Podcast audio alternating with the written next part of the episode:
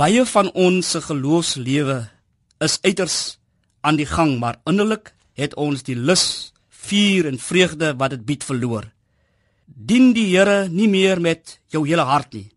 Godsdienstige lewe sonder spirituele ervarings, sonder lus of durf, letterlik beleef jy 'n geestelike afplatting. Hoe gebeur dit dat ons so maklik die vreugde in die Here verloor?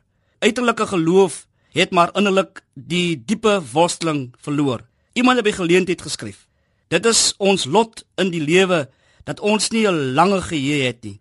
Dit is soos wanneer 'n kind 'n nuwe speelding kry. Kan nie ophou om met daarmee te speel nie, maar in een dag verloor hy of sy belangstelling daarin. So gaan dit met die mens se verhouding met die Here.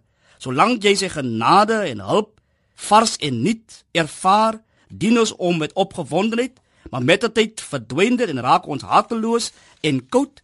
Psalm 111 bied vir ons raad vir die wat sukkel.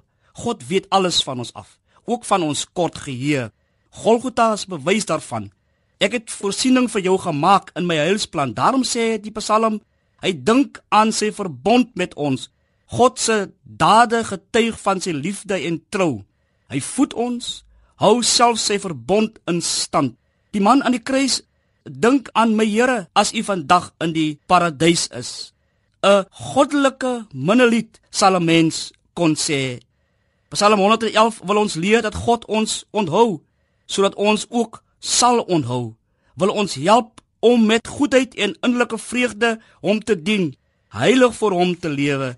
Dit beteken dat ons opgeroep word om tot volle gehoorsaamheid trou aan hom en hom met totale oorgawe te dien. Daarom moet ons ons lewens rig volgens die voorskrifte van sy woord.